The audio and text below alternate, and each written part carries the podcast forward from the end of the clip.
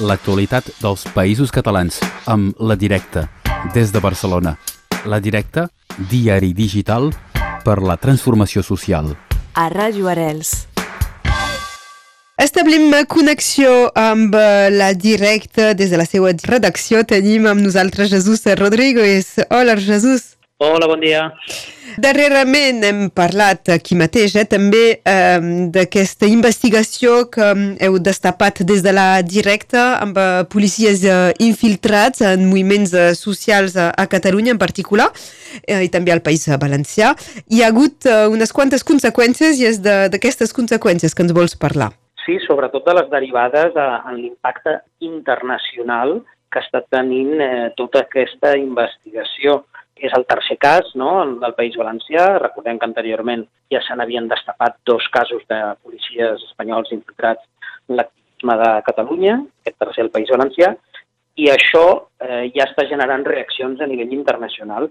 I així ho explicàvem doncs, amb, amb un uh, article que, que tenim publicat en, en el web on detallem tota la, la quantitat d'organitzacions eh, de drets humans internacionals que han signat un, un manifest en el que exigeixen una investigació i responsabilitats per part del, del govern espanyol. La roda de premsa de presentació d'aquest manifest es va fer a Barcelona, al local de la Federació, Federació d'Organitzacions no, no Governamentals, la FEDE, i en aquesta roda de premsa, que es va fer per part del Centre Irídia de Drets Humans i del sindicat CGT, on pertanyen algunes de les persones afectades per les infiltracions policials, es va explicar doncs, eh, el contingut d'aquest manifest i la llista d'organitzacions, fins a 90 organitzacions que el signen, algunes de les quals tan rellevants com l'Organització Mundial contra la Tortura, amb seu eh, a Ginebra, que està denunciant eh, unes pràctiques que considera innecessàries i injustificables en qualsevol estat de dret i democràtic. Doncs aquesta és la demanda eh, oficial i una de les conseqüències més, eh, més importants de, de la vostra investigació. Continuem amb una temàtica de, de medi ambient eh, a Castelldefels amb un pla urbanístic que, que suposava la, la tallada d'arbres.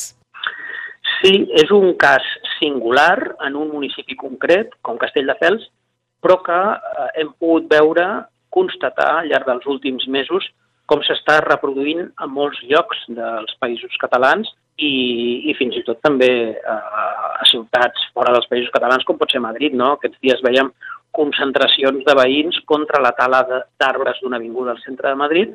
Doncs a Castelldefels hem viscut una lluita constant eh, de molts veïns, fins i tot amb la, amb la desobediència civil, posant-se davant de les màquines per impedir aquesta tala d'arbres, en una ciutat, un municipi, per qui no ho conegui, doncs és un municipi molt proper a Barcelona, que pateix una gran pressió urbanística i que té molt pocs eh, llocs eh, preservats on el medi ambient doncs, no, no estigui afectat per aquesta invasió de, de la construcció, del ciment.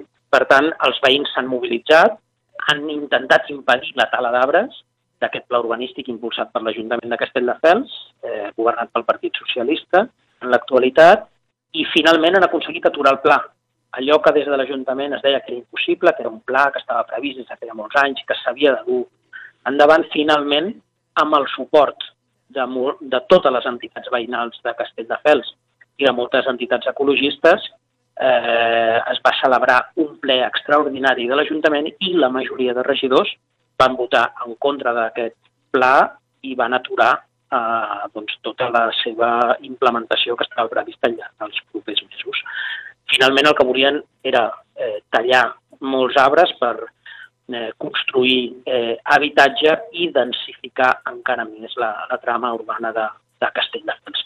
Lluites com aquesta s'estan reproduint a altres ciutats eh, de Catalunya, sobretot eh, en un context doncs, d'emergència doncs, climàtica i d'una major conscienciació social per la preservació d'aquesta qualitat de l'aire i d'aquesta qualitat mediambiental que, que cada cop és més preuada en els entorns urbans.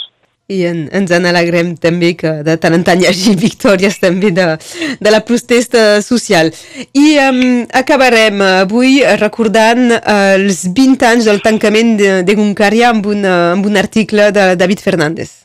Sí, eh, de tant en tant ens agrada doncs, eh, parlar de, de les columnes que publiquem a, a la directa, no només fem eh, reportatges, investigacions, sinó que també donem la veu eh, de manera doncs, en representació territorial, des de diferents espais, també eh, tenim columnista des de, des de la Catalunya Nord, tenim des de diferents territoris, i un dels columnistes és en, en David Fernández, que en aquesta ocasió eh, ens recorda que fa 20 anys que l'Audiència Nacional, que eh, mitjançant una operació de la Guàrdia Civil ordenada pel, pel jutge Juan del Olmo, va, va tancar la redacció d'un mitjà de comunicació, l'únic mitjà de comunicació íntegrament en euskera eh, que existia fins aleshores, amb tot el que va envoltar aquella operació de vulneració de drets humans, de casos demostrats de tortura i d'un un, silenciament d'una veu eh, com la de Guncària que, que doncs, donava sortida moltíssima informació en euskera de tots els àmbits. Cal recordar que Eguncària és un dels mitjans de comunicació amb una secció internacional de major qualitat eh, a nivell de la premsa pràcticament europea, cosa que era poc coneguda no? eh, en, en el moment en què es va en aquella clausura eh, es coneixia poc fora dels, dels bascoparlants de, de, no? de, de la població que parla euskera, es coneixia poc la riquesa i la qualitat d'aquella premsa i, i el, el David Fernández ens ho recorda en la seva columna, la gravetat d'aquells fets i com van ser encoberts i aplaudits per la majoria de la classe política i mediàtica d'aquella època, en una època en la que tot eh, es permetia i tot es tolerava en nom de la, de la lluita contra ETA. Un apunt de memòria històrica que és important doncs, eh, que tinguin presents les, les noves generacions. Aquestes temàtiques i moltes altres es poden trobar també a la web directe.cat. Avui n'hem parlat amb en Jesús Rodríguez. Moltes gràcies, Jesús. Gràcies a vosaltres. Que vagi molt bé. Adéu, bon dia. L'actualitat dels països catalans amb La Directa, des de Barcelona. La Directa, diari digital per la transformació social. A Ràdio Arels.